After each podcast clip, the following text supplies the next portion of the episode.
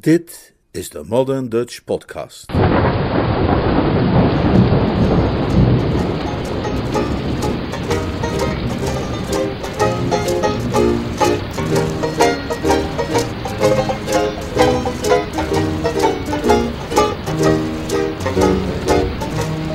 Noodweer op kasteel Blandings. Een roman van P.G. Woodhouse, Summer Lightning, vertaald en voorgelezen door Leonard Beuk. Hoofdstuk 17 Ferm gedrag van Lord Emsworth. Vanaf het moment dat hij wegreed voor de deur van Matchingham Hall, voor de terugreis naar kasteel Blandings, heerste er de stilte van het graf in de auto. Het was een antelope die Lord Emsworth, zijn zuster Lady Constance Keeble en zijn broeder, jonkheer Galahad Threepwood, terug naar huis bracht na een onderbroken etentje. Geen van hen drieën sprak een woord, zelfs geen lettergreep. Gezien hetgeen Millicent als ooggetuige aan het front Hugo door de telefoon verteld had over de familietwist die was uitgebroken aan Sir Gregory Parslow's eettafel, lijkt dat vreemd. Als er ooit drie mensen die elkaar veel te zeggen hadden in een kleine ruimte bij elkaar gezeten hadden, dan waren het deze drie wel, zou men toch denken. Van Lady Constance alleen al zou men een woordenstroom verwacht hebben die de geschiedschrijver vele uren werk zou hebben verschaft. De verklaring was, als alle verklaringen, eenvoudig. Die ligt verscholen in dat ene woordje antelope. Doordat de Hispano Suiza, waarin de bewoners van kasteel Blandings gewoonlijk uit dineren gingen, vanwege een geringe interne aandoening buiten bedrijf was, had Voels, de chauffeur, moeten terugvallen op zijn andere en minder geschikte wagen, en iedereen die ooit een antilope heeft bezeten, weet dat zich daarin geen glazen tussenschot bevindt dat de chauffeur afscheidt van de betalende passagiers. De man aan het stuur bevindt zich te midden van het gezelschap met zijn oren op steeltjes om alles wat gezegd wordt te zijner tijd ter tafel te brengen in de bediendenkamer. Hoewel de keuze leek te liggen tussen spreken en het gevaar van spontane ontploffing, hield het drietal onder deze omstandigheden zorgvuldig zijn gedachten voor zich. Zij leden, maar zwegen. Men zal nauwelijks een betere illustratie kunnen vinden van wat er bedoeld wordt met de aloude term noblesse oblige. Met name Lady Constance willen wij hier bijzondere lof toezwaaien. Zij was een vrouw en het zwijgen was voor haar de zwaarste opdracht. Er waren momenten tijdens de rit dat zelfs de aanblik van Voels grote rode oren, klapperend van nieuwsgierigheid naar de reden voor hun plotselinge en spectaculaire terugkeer naar Blandings, maar nauwelijks voldoende was om Lady Constance Keeble ervan te weerhouden haar broer Clarence nu eens precies te vertellen wat ze van hem dacht. Sinds zijn vroegste jongensjaren was er nooit ook maar één moment geweest waarop hij haar ideaal van mannelijkheid had benaderd, maar nog nooit was hij zo diep in haar achting gezonken als op het ogenblik dat ze hem zijn toestemming had horen geven voor het huwelijk van haar nicht Millicent met een jonge man die, nog afgezien van zijn volkomen geldgebrek, haar altijd een nerveuze stoornis had bezorgd waarvan ze de naam niet kende, maar die onder wetenschappers bekend staat als de kriebels. Ook had haar broer haar weinig voor zich ingenomen door de wijze waarop hij zich had uitgelaten op het punt van de nijvere Baxter. Over Baxter had hij dingen gezegd die een bewonderaar van die naarstige en initiatiefrijke man hem nooit zou kunnen vergeven.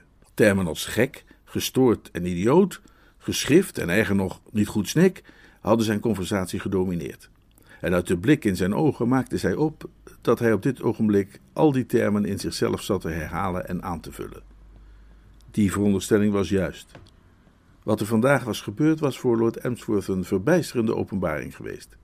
Naar aanleiding van het bloempot-incident van twee jaar geleden had hij Baxter altijd beschouwd als geestelijk uit zijn evenwicht, maar als positief en ruimdenkend man had hij steeds de mogelijkheid opengehouden dat een kalm en regelmatig leven in een minder stressvolle omgeving sinds zijn vertrek van Blandings wellicht een genezend effect kon hebben gehad. Op de dag dat Baxter was teruggekomen, had hij in elk geval heel normaal geleken.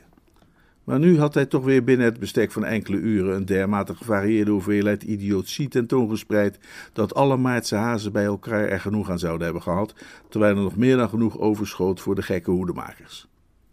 De negende graaf van Emsworth was niet een man die snel van de kook raakte. Hij bezat een innerlijke rust die gewoonlijk alleen zijn jongste zoon Frederick wist te verstoren maar tegen het soort dingen dat vandaag was gebeurd was zelfs die rust niet opgewassen. hoe kalm en evenwichtig een mens ook mag zijn, wanneer men komt te staan tegenover iemand die, wanneer hij niet uit de ramen springt, bezig is met het stelen van varkens, waarbij hij je dan vervolgens probeert wijs te maken dat je eigen butler dat gedaan heeft, dan zet dat je toch wel aan het denken. Lord Emsworth was ernstig geschokt. Terwijl de wagen de oprijlaan insloeg, zei hij tegen zichzelf dat niets hem nu nog zou kunnen verbazen. Maar toch was dat het geval. Toen de auto de rhododendrons gepasseerd was en de brede strook grind opdraaide die zich voor de voordeur uitstrekte, zag hij iets dat hem een eerste geluid ontlokte sinds het begin van de rit. Goeie God!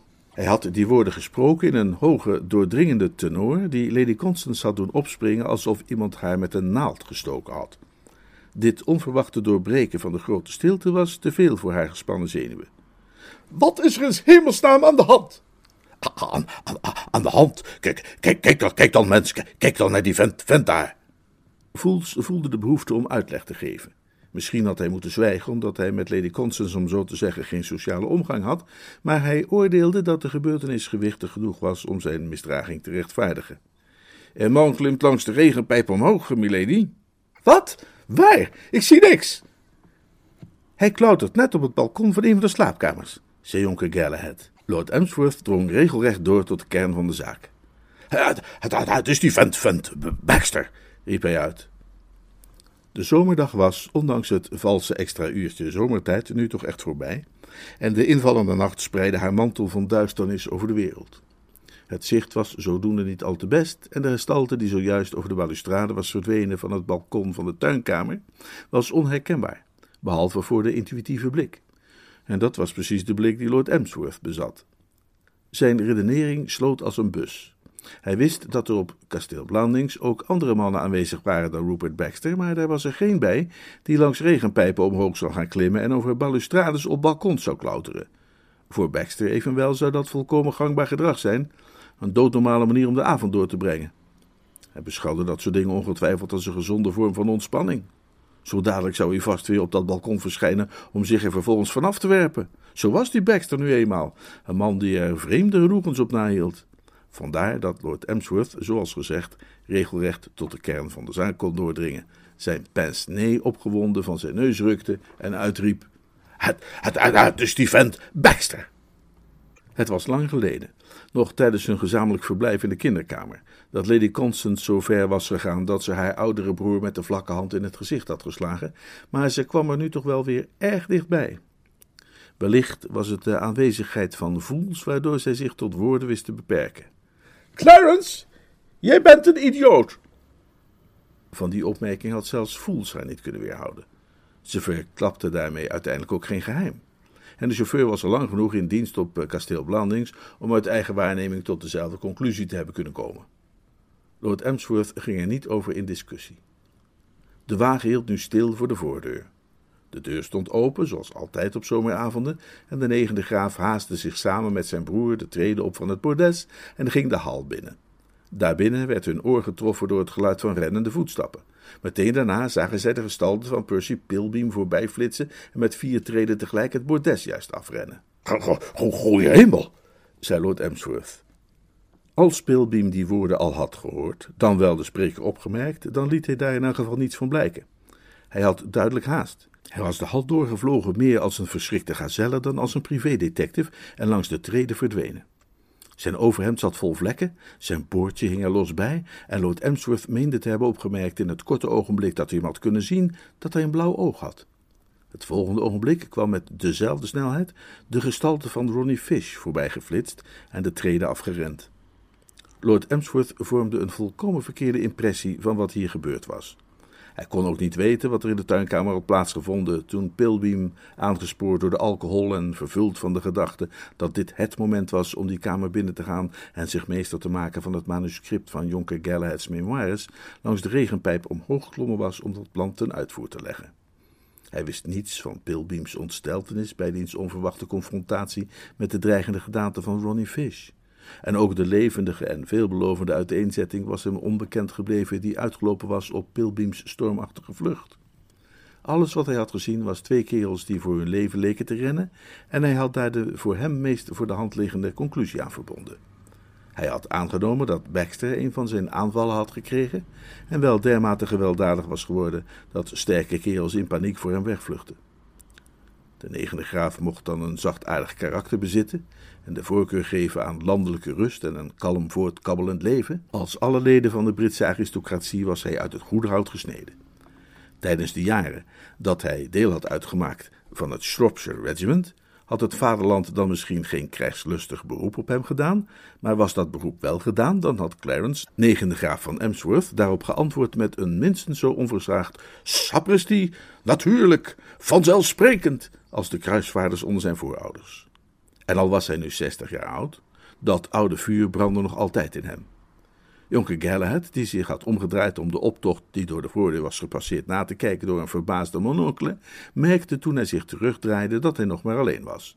Lord Emsworth was verdwenen. Al snel kwam hij echter terug, een vastbesloten trek op zijn gezicht en een geweer in zijn hand. Hè? Wat? zei jonker Galahad en knipperde met zijn ogen. Het hoofd van de familie gaf geen antwoord. Hij liep in de richting van de trap.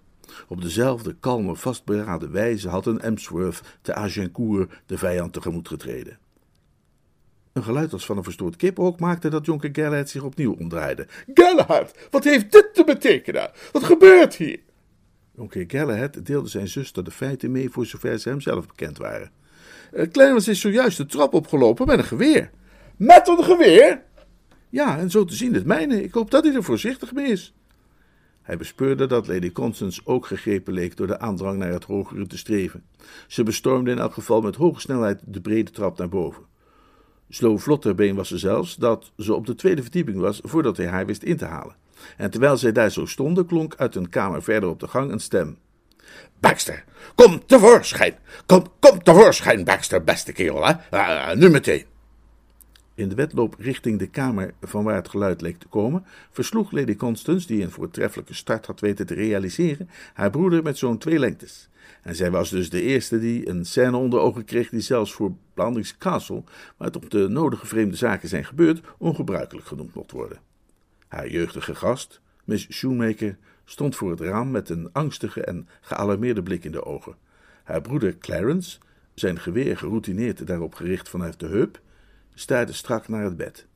En van onder het bed, een beetje zoals bij een schildpad die zijn kopje naar buiten steekt, werd het bebrilde hoofd zichtbaar van de nijvere Baxter.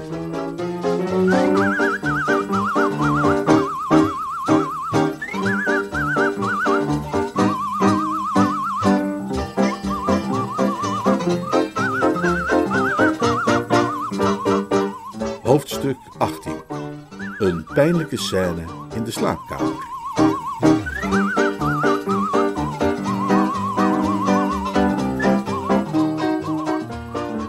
Een man die een knap half uur onder een bed heeft gelegen en zich aldaar verplicht heeft gezien mee te luisteren naar het soort van dialoog dat te beluisteren valt bij de verzoening tussen twee gelieven, oogt meestal niet op zijn best.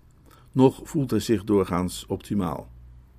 Er zaten stofvlokken in Baxter's haar, er zat stof op zijn kleren en op zijn gezicht lag een uitdrukking van samengebalde haat ten opzichte van de menselijke soort. Lord Emsworth, die toch was voorbereid op iets behoorlijk woests, zag zijn verwachtingen overtroffen. Hij verstevigde de greep op zijn geweer en om zorgvuldiger te kunnen mikken plaatste hij de kolf tegen zijn schouder, sloot één oog en tuurde met het andere nauwlettend langs de loop. Ik, ik, ik heb, heb, heb, heb je on, onderschot, beste kerel, zei hij kalmpjes. Rupert Baxter kwijlde nog net niet uit zijn mondhoek, maar vertoonde verschillende andere mentale kookverschijnselen. Niet met dat vervloekte ding op mij richten. Oh, oh, maar, maar, maar zeker richt ik dat, dat, dat wel op jou, antwoordde Lord Emsworth ferm. Hij was er de man niet naar om zich in zijn eigen huis de wet te laten stellen. En, en, en bij het minste teken van verzet. Clarence! Het was Lady Constance die dat zei. Leg dat geweer weg. Daar, daar, daar komt niets van in. Clarence! Nou, nou, nou, nou goed dan. Mooi. Mr. Baxter, zei Lady Constance, de situatie op haar gebruikelijke dwingende wijze in de hand nemend. U zult hier ongetwijfeld een uitstekende verklaring voor kunnen geven. Zij had haar kalmte hervonden. Deze krachtige vrouw liet zich nooit lang door emoties beheersen. Ze was behoorlijk geschokt geweest, maar ze had het vertrouwen in haar corifee bewaard.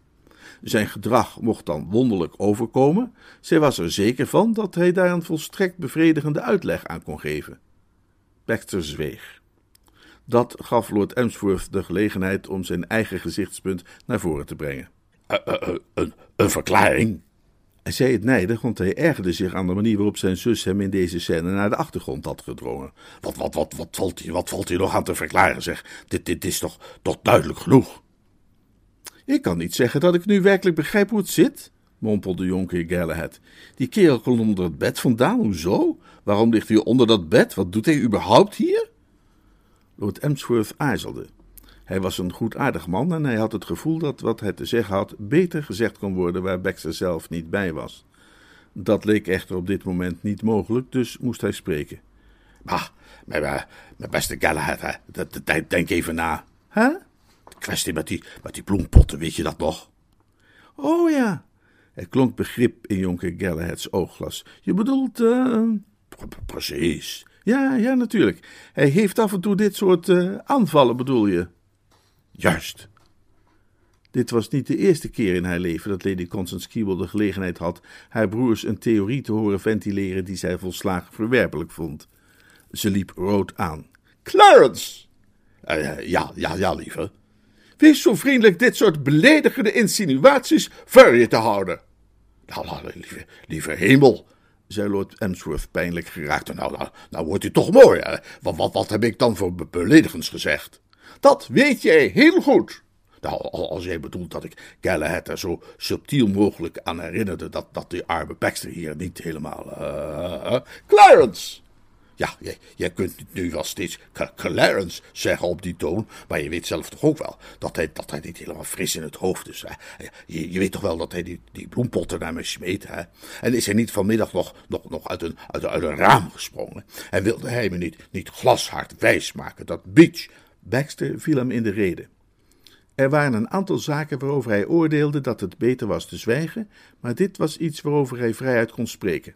Lord Emsworth? Uh, ja. Ik ben inmiddels te weten gekomen dat Beach niet de aanstichter was in de diefstal van uw varkie, maar hebt tevens vastgesteld dat hij daarin wel medeplichtig was. Dat, dat, dat, dat hij wat? Dat hij meegeholpen heeft, zei Baxter tandenknarsend. Degene die de diefstal als zodanig heeft gepleegd, was uw neef Ronald.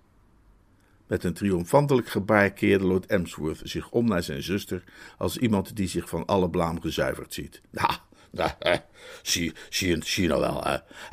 En durf je nu nog te beweren dat, dat u wel goed snik is? Nee, nee, nee, Baxter, mijn, brave man. Hm, dat gaat je allemaal niet helpen, hoor. Ging hij verder, in een verwijtend gebaar het geweer heen en weer schuddend voor de neus van zijn oud-werknemer. Ja, ver, vermoei je nu maar niet uh, met het verzinnen van al dat, dat, dat soort verhalen. Hè. Dat, dat, dan raak je ook veel te, te, te opgewonden. Hm? is heel slecht voor je bloeddruk, stemde jonker Galahad met hem in. Uh, wij, wij, wij, hebben de keizerin e eerder op de avond in jouw uh, kampeerwagen aangetroffen, zei Lord Emsworth. Wat? In jouw kampeerwagen, hm? waar jij haar uh, verborgen had nadat je haar had ontvoerd. Hè? Hm? En, en, en, en sapperlood, voegde Lord Emsworth er met schrik aan toe, dat dat is waar. Ik moet, moet nu meteen gaan zorgen dat ze uh, te, teruggebracht wordt naar haar eigen, eigen hok. Ik, ik, ik moet uh, Purbright zien te vinden. Ik moet, ik moet... In mijn kampeerwagen? Baxter veegde koortsig langs zijn bestofte voorhoofd. Het werd hem helder. Dat heeft die dekselse Carmody dus met dat beest gedaan. Lord Emsworth had er genoeg van. De keizerin van Blandings wachtte op hem. Hij telde de minuten tot zijn zalige hereniging met haar en had geen geduld meer om hier nog langer te staan luisteren naar dat geraaskal. E e eerst was het uh, Beach? Hm? toen Ronald, en toen Carmody. Ja, straks ga je nog zeggen dat, dat, dat ik haar heb gestolen. of Galahad hier, of mijn zuster Constance. Baxter, Baxter, mijn beste kerel. Wij, nemen jou niets kwalijk, hè? Denk, dat toch, denk dat toch vooral niet, hè? Wij begrijpen helemaal wel hoe dat zit, hè? Jij werkt ook veel te hard, hè? En dan eist de natuur op een gegeven moment zijn, zijn, zijn dinges, zijn, zijn tol. Ik ik, zou zeggen, ga, nu maar even, even, even rustig naar je, naar je kamer, hè, beste kerel. En uh, kruip lekker onder de wol. Dit is allemaal niet, niet, niet, zo, niet zo goed voor je. Lady Constance kwam tussen beiden. Haar ogen schoten vuur en ze sprak als Cleopatra die een Ethiopische slaaf de mantel uitveegt. Clarence, zou jij alsjeblieft dat kleine beetje intelligentie dat je bezit eens heel even willen gebruiken? Hè? Dat, dat jouw varken is gestolen is een van de meest triviale en onbelangrijke dingen die ooit zijn gebeurd in de wereld. En de drukte die jij daarover maakt is absoluut weerzinwekkend. Wie dat stomzinnige beest ook mag hebben gestolen, Lord Emsworth verbleekte. Hij vroeg zich kennelijk af of hij dit wel goed verstaan had. En, en waar het ook mag zijn gevonden, Mr. Baxter heeft daar in elk geval helemaal niets mee te maken. Het is precies zoals Mr. Baxter zegt, veel waarschijnlijker dat een jonge man als die Mr. Carmody haar gestolen heeft. Er is een bepaald soort jonge lieden, en die Mr. Carmody behoort daar volgens mij ook toe, dat dol is op zogenaamde practical jokes. Hè? Eh, vraag je nu toch eens af, Clarence, hè? En probeer dan eens verstandig antwoord te geven op die vraag voor zover het mogelijk is voor iemand met jouw verstandelijke vermogens. Wat voor reden zou Mr. Baxter in hemelsnaam kunnen hebben om hier naar kasteel Blandings te komen en daar varkens te gaan stelen? Misschien was het dat hij dat geweer in zijn hand voelde, waardoor bij Lord Emsworth herinneringen gewekt werden aan zijn drieste dagen in het Shropshire Regiment, en hij iets terugkreeg van het vuur uit zijn vergane jeugd. Hoe dan ook, hij bezweek niet onder de heerzuchtige blik van zijn zuster. Hij weerstond die blik en weerkaatste ongeblutst haar woorden. En, en, en, en misschien moet jij je eens afvragen, hè, Constance, of die Mr. Baxter van jou ooit wel een fatsoenlijke reden heeft gehad voor überhaupt de dingen die hij doet. Ja, zei jonker Galahad loyaal. Wat voor reden had onze vriend Baxter bijvoorbeeld om naar kasteel Blandings te komen en meisjes te stuipen op het lijf te jagen door onder hun bed te kruipen? Lady Constance moest even slikken. Hier lag inderdaad de zwakke stee in haar verdediging. Ze wendde zich tot de man van wie ze nog altijd hoopte dat hij deze aanval op efficiënte wijze zou kunnen keren. Mr. Baxter, zei ze, alsof zij hem het woord gaf voor een praatje na het diner. Maar Rupert Baxter had helemaal geen diner gehad. Misschien was het dat ook wel dat de fundamentele ommekeer bij hem teweegbracht. Hij werd van het ene moment op het andere overvallen door een razend verlangen om hier weg te zijn, koste wat kost.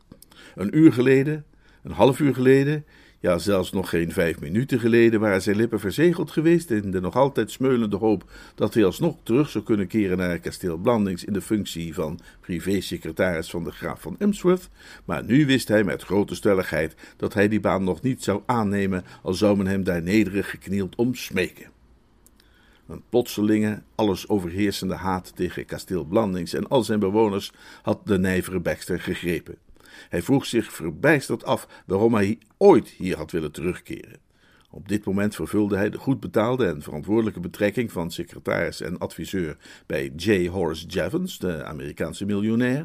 Een man die hem niet alleen met zoveel respect en onderdanigheid behandelde dat het als balsem was voor zijn ziel, maar die hem ook zulk degelijk advies wist te geven over hoe hij zijn geld het beste kon beleggen, dat hij zijn spaarcentjes inmiddels al verdriedubbeld had.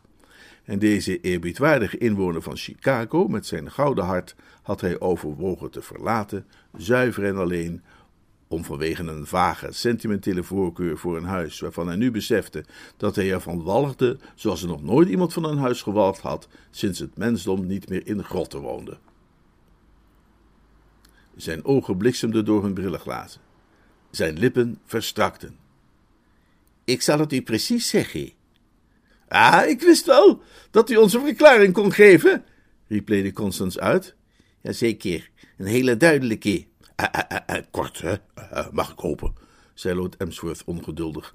Hij wilde altijd gepraat en gedoe zo snel mogelijk achter de rug hebben om eindelijk weer bij zijn varken te kunnen zijn. De gedachte dat de keizerin het zo lang had moeten uithouden in zo'n gruwelijke kampeerwagen was hem een kwelling. Oh ja, heel kort, zei Rupert Baxter. De enige persoon in het vertrek die zich tot nog toe buiten deze nogal pijnlijke scène had kunnen houden, was Sue. Ze had als onschuldige buitenstaander toegekeken vanaf haar plaats bij het raam.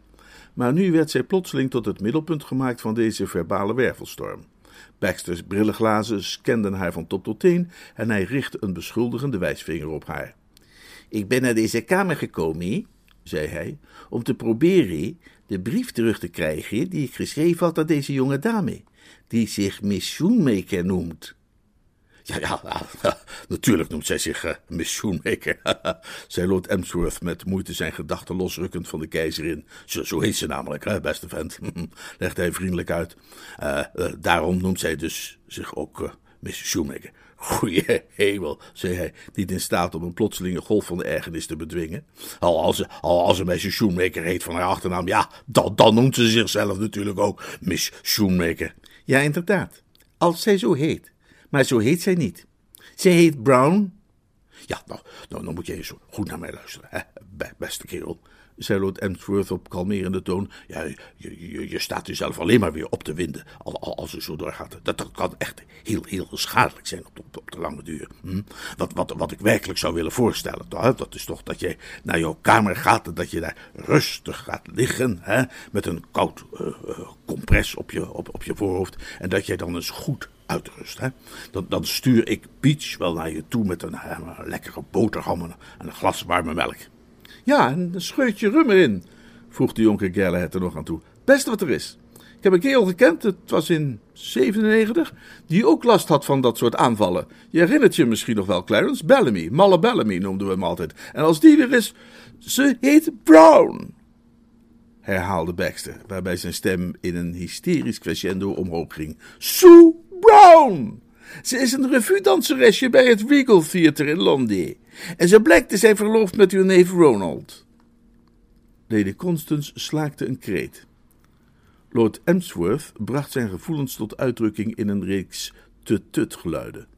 Alleen de hoogwelgeboren Galahad bleef stil. Hij keek Sue aan met bezorgde blik. Ik heb het Piets horen zeggen, hier in dezezelfde kamer. Hij zei dat hij die informatie gekregen had van Mr. Pilbeam. En volgens mij is die informatie correct. In elk geval kan ik u dit vertellen. Wie zij ook is, zij heeft zich hier binnengedrongen onder een valse naam. Toen ik daar straks in de rooksalon was, werd er een telegram doorgebeld vanaf het postkantoor in Market Blandings. Dat telegram was ondertekend met Myra Schoenmaker en het was deze middag verzonden uit Parijs. Dat is alles wat ik te zeggen heb sloot Baxter zijn verhaal af. Ik ga nu weg en ik hoop van harte dat ik geen van u ooit nog hoef terug te zien. Goedenavond. Zijn brillenglazen glitterden kil. Hij liep met grote passen de kamer uit en botste op de drempel tegen Ronnie, die juist binnenkwam. Kun jij niet uitkijken waar je loopt? vroeg hij. Hè? zei Ronnie. Een andere kluns? zei de nijvere Baxter en was verdwenen. In de kamer die hij verlaten had, torende de hardstenen en dreigende gestalte van Lady Constance Keeble. Normaal gesproken was zij niet zo'n bijzonder grote vrouw, maar op dit moment leek zij machtig en vreeswekkend boven alles uit te reizen, met Sue ineengekrompen aan haar voeten. Ronnie, kermde Sue zwakjes. Het was de kreet van het bedreigde wijfje dat het mannetje te hulp roept.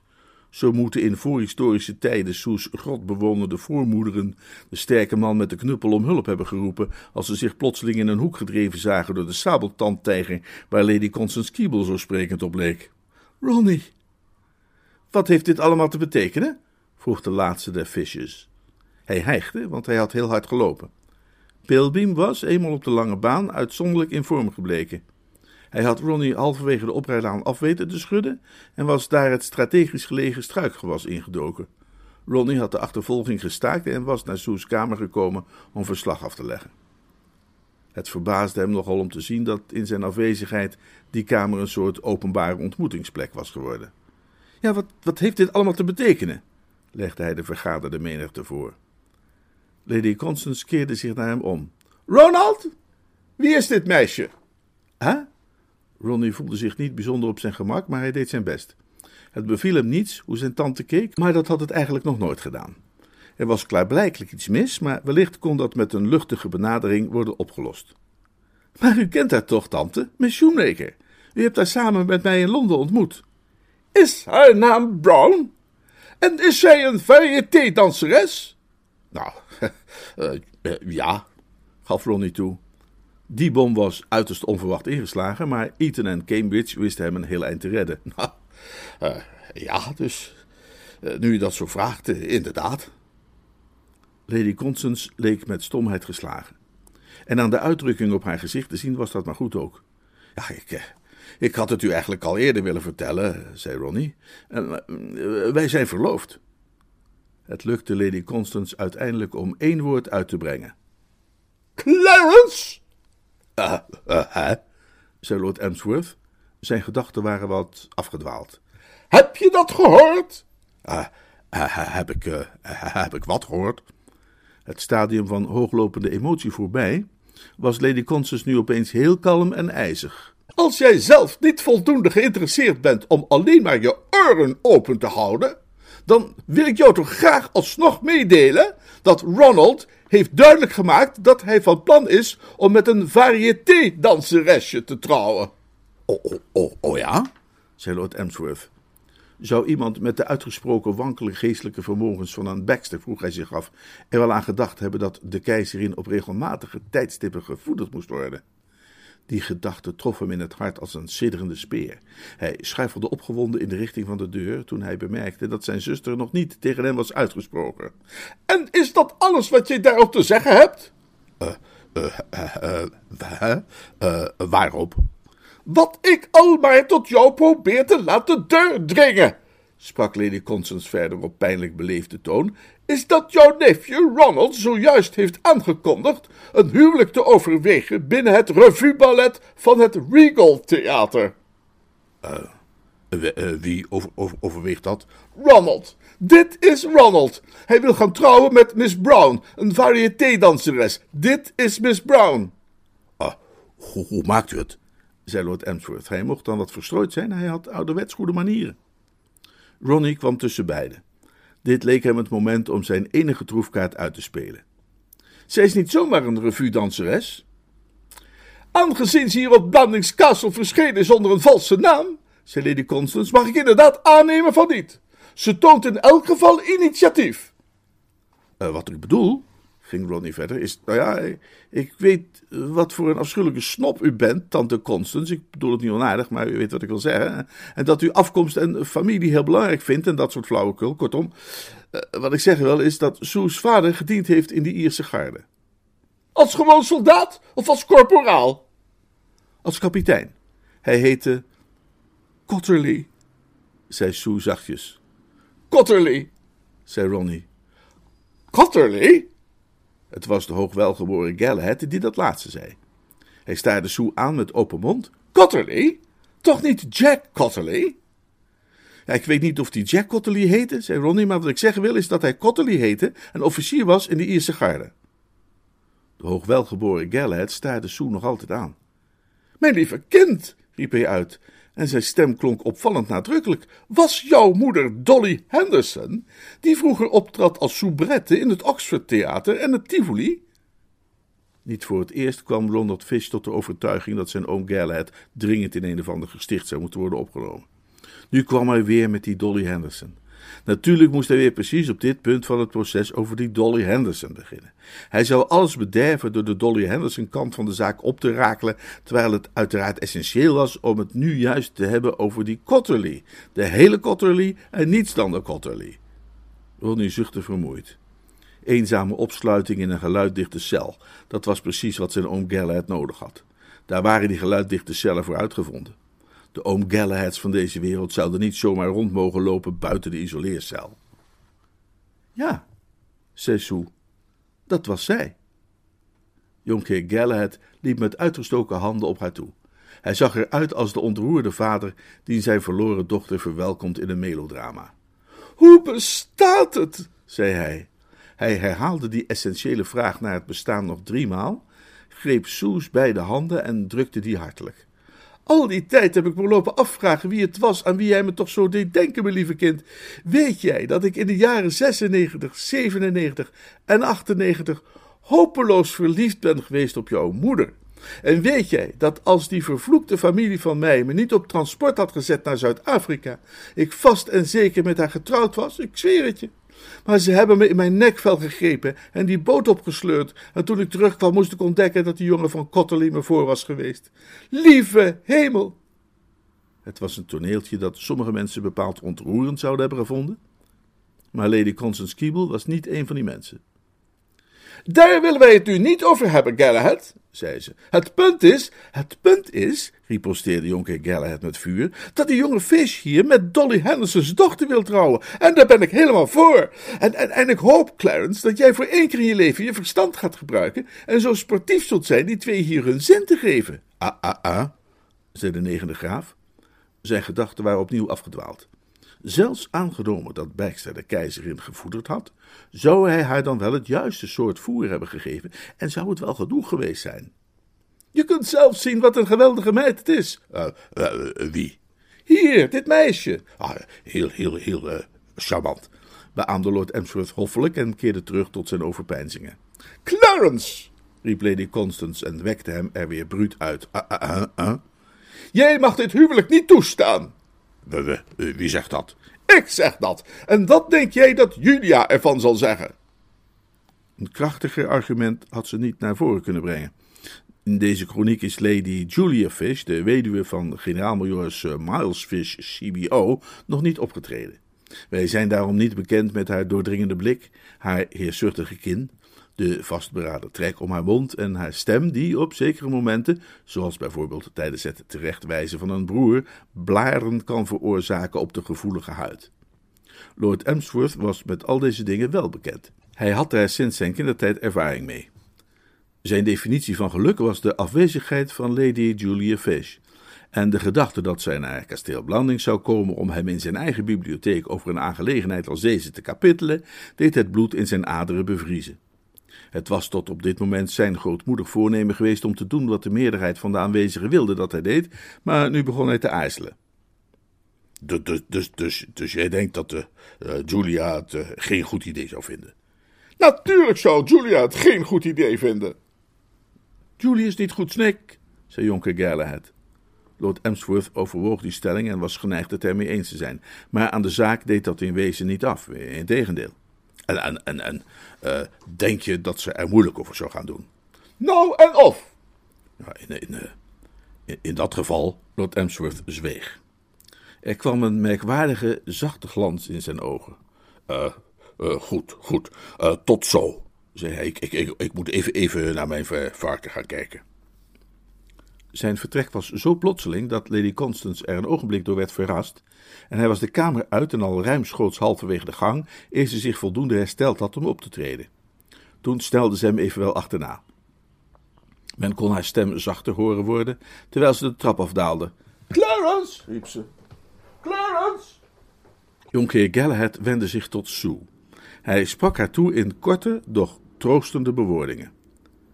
Spijt me jou als bezoeker getuige te moeten laten zijn van dit soort deftige oude familieruzies, zei hij terwijl hij haar op de schouder klopte als iemand die, als alles anders was gelopen en er geen regelmatige bootdienst was geweest op Zuid-Afrika in de jaren negentig, haar vader geweest had kunnen zijn. Wat jij nodig hebt, mijn kind, is een beetje rust en vrede. Kom mee, Ronald, wij laten haar even alleen. We zullen deze discussie elders voortzetten. Kop op, mijn kind, het kan allemaal nog best goed aflopen. Sue schudde haar hoofd. Ik vrees van niet, zei ze nogal wanhopig. Niet te somber, zei jonker Galahad. Ik geef je één ding op een briefje, zei Ronnie, en dat is dat ik met jou ga trouwen, wat er ook gebeurt. Punt uit. Goeie hemel, ik kan toch gewoon gaan werken, of niet soms? Als wat?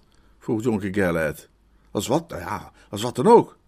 Nou, de marktwaarde die de leden van deze familie hebben, zei jonker Galahad, die weinig illusies koesterde wat betreft zijn bloedverwanten, is zowat 3,5 penny per jaar. Nee, wat wij moeten doen, is broeder Clarence op de een of andere manier zien over te halen, en dat betekent dat er stevig op hem ingepraat zou moeten worden, en met de juiste argumenten. En dat kunnen we beter ergens anders doen. Kom mee, jongen, je weet nooit hoe zoiets uit kan vallen. Ik heb in mijn tijd toch wel voor etervuren gestaan.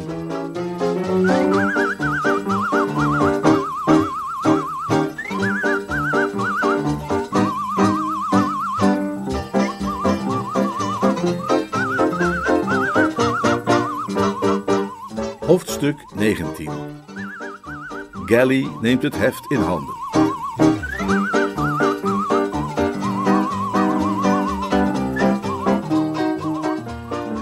Sue stond op het balkon en staarde in de nacht. De wereld was gehuld in een fluwelen duisternis, vervuld met het zachte geritsel van bladeren en de zoete, zuivere geur van bloemen en van aarde. Er was een briesje opgestoken dat de klimopbladeren naast haar deed ritselen. Tussen het groen chilpte een slaperig vogeltje en in de verte klonk het geruis van stromend water. Ze zuchtte. Deze nacht was voor geluk geschapen, maar dat geluk, dat wist zij nu wel zeker, was niet voor haar weggelegd. Er klonken voetstappen achter haar en ze draaide zich hoopvol om. Ronnie? Het was de stem van jonkheer Galahad Freepwood die haar antwoord gaf. Ik ben het maar, kindje. Mag ik even bij jou op het balkon komen staan? Lieve hemel, zou Clarence zeggen. Wat een prachtige avond. Ja, zei Sue met twijfel in haar stem. Jij vindt van niet? Oh ja hoor. Ik durf te wedden van niet. Ik weet dat ik het geen mooie avond vond. Die keer dat mijn vader destijds zijn voet dwars zette en me vertelde dat ik met de eerstvolgende boot naar Zuid-Afrika zou vertrekken. Het was net zo'n avond als deze, weet ik nog. Hij leunde met zijn armen op de balustrade. Ik heb je moeder nooit meer gezien nadat ze was getrouwd. Nee? Nee. Ze trad daarna niet meer op en, nou ja, ik had het erg druk in die tijd en moest heel veel gedronken worden en dat soort dingen meer. Hè? En op de een of andere manier hebben we elkaar nooit meer ontmoet. Het laatste dat ik van haar gehoord heb, twee of drie jaar geleden, was dat ze gestorven was. Jij lijkt heel erg op haar, mijn kind. Ik, ik begrijp niet dat ik die gelijkenis niet meteen heb opgemerkt. Hij deed er het zwijgen toe. Ook Sue zei niets. Ze liet haar arm door de zijne glijden. Het leek het enige om te doen. Een spriet of kwartelkoning begon zijn eentonig geroep in het donker. Dat betekent regen, zei jonker Galahad, of juist niet, ik vergeet altijd welke van de twee. Heb jij ooit je moeder dat lied horen zingen van... Uh, nee, nee, natuurlijk niet, dat was voor jouw tijd. Maar, wat Ronald betreft, zei hij plotseling. Wat is er met Ronald? Hou je van hem? Ja. Ik bedoel, hou je echt van hem? Ja. Hoeveel hou je van hem? Sue leunde over de balustrade. Beneden langs de muur trok Percy Pulbeam, die uit de bosjes naar buiten had gegluurd, snel zijn hoofd weer terug. De detective had namelijk, wellicht door de onbewuste herinnering aan verhalen die hij in zijn kindertijd had gehoord over de Schotse koning en de spin die zevenmaal zijn web opnieuw begon, geweigerd zijn nederlaag te erkennen en was langs slinkse wegen teruggekeerd naar het toneel van zijn ondergang. 500 pond is een heleboel geld en Percy Pilbeam liet zich niet zomaar afhouden van zijn pogingen om dat geld te verdienen. Ook al had hij bij zijn laatste poging maar net het vegenlijf weten te redden. Het effect van zijn alcoholische overconsumptie was inmiddels aanzienlijk afgenomen en hij was weer goeddeels zijn eigen kalme zelf. Het was zijn bedoeling om zich zo nodig tot in de kleine uurtjes hier in de bosjes verborgen te houden en dan opnieuw de regenpijp te attackeren om zo tot de tuinkamer door te dringen waar het manuscript van Jonker Galahad's memoires te vinden moest zijn. Je kunt geen goede detective zijn als je je snel laat ontmoedigen. Daar heb ik gewoon geen woorden voor, zei Sue. Maar probeer het eens. Nee. Alles wat je probeert te zeggen over je gevoelens voor iemand klinkt altijd volslagen idioot. Bovendien is Ronnie niet het soort man waarvan iemand anders zou kunnen begrijpen dat je er zo helemaal weg van bent. Voor iemand anders lijkt hij maar heel gewoon. Op zijn best, oordeelde jonker Galahad kritisch. Ja, op zijn best. Terwijl hij voor mij heel bijzonder is. Sterker nog, als u echt wilt weten wat ik voor Ronnie voel, hij is de hele wereld voor mij. heb ik het toch gezegd. Ik had al gewaarschuwd dat het onnozel zou klinken, toch? Als iets uit een liedje, uit een of andere show. Ik heb in het theater al honderd keer op dat soort stomme liedjes moeten dansen. Twee passen links, twee passen rechts, benen omhoog, een brede lach, handen op het hart. Omdat hij heel de wereld is voor mij. Ja, lach er maar om. Het bleef even stil. Ik lag helemaal niet om, zei jonker Galahad. Mijn lieve kind, ik wilde alleen maar proberen uit te vinden of jij echt van die jonge vis hield. Je moet hem alleen geen jonge vis noemen, dat vind ik niet leuk. Sorry, kindje. Het leek me een adequate omschrijving, maar goed, ik wilde alleen zeker weten dat je echt van hem hield, omdat. Uh... Omdat wat? Omdat ik het zojuist allemaal in orde heb gemaakt. Sue greep de balustrade stevig vast. Wat? Ja, zei jonker Galahad, het is allemaal in orde. Het is geregeld. Ik zal niet zeggen dat je nu meteen een hartelijke omhelzing mag verwachten van mijn zuster Constance. Als ik jou was, zou ik me daar ook absoluut niet aan wagen. Voor hetzelfde geld bijt ze je in je wang, maar afgezien daarvan is alles in orde. De bruiloftsklokken zullen luiden, je verloofde is ergens in de tuin. Je kunt maar beter naar hem toe gaan en hem het goede nieuws vertellen. Zal hij leuk vinden. Maar, maar... Sue greep hem bij zijn arm. Ze kreeg de woeste neiging om te gaan huilen en gillen. Maar, maar wat? Hoe? Wat is er gebeurd? Tja, geef je toe dat ik op een haar na met jouw moeder was getrouwd? Jawel. Dan maakt mij dat dus een soort erevader van jou. ja. En die hoedanigheid is jouw belang het mijne, lieve kind. Meer dan het mijne zelfs. Dus wat ik heb gedaan is jou gelukkig te maken tot de prijs van mijn zwijgen. Ken je dat stuk? De prijs van zijn zwijgen? Nee, dat was natuurlijk ook voor jouw tijd. Dat, dat speelde in het Adelphi, voordat jij geboren werd. Daar was een scène in waarbij... Wat bedoelt u nu eigenlijk? Jonker Galahad aarzelde even. Nou kijk, mijn zuster Constance is altijd heel erg gekant geweest tegen de publicatie van mijn memoires. Dus ben ik naar haar toe gegaan en heb ik onomwonden met haar gesproken. Clarence is er de man niet naar, heb ik tegen haar gezegd, om iemand iets in de weg te leggen als die met wie dan ook wil trouwen. Jij bent het echte probleem, zei ik.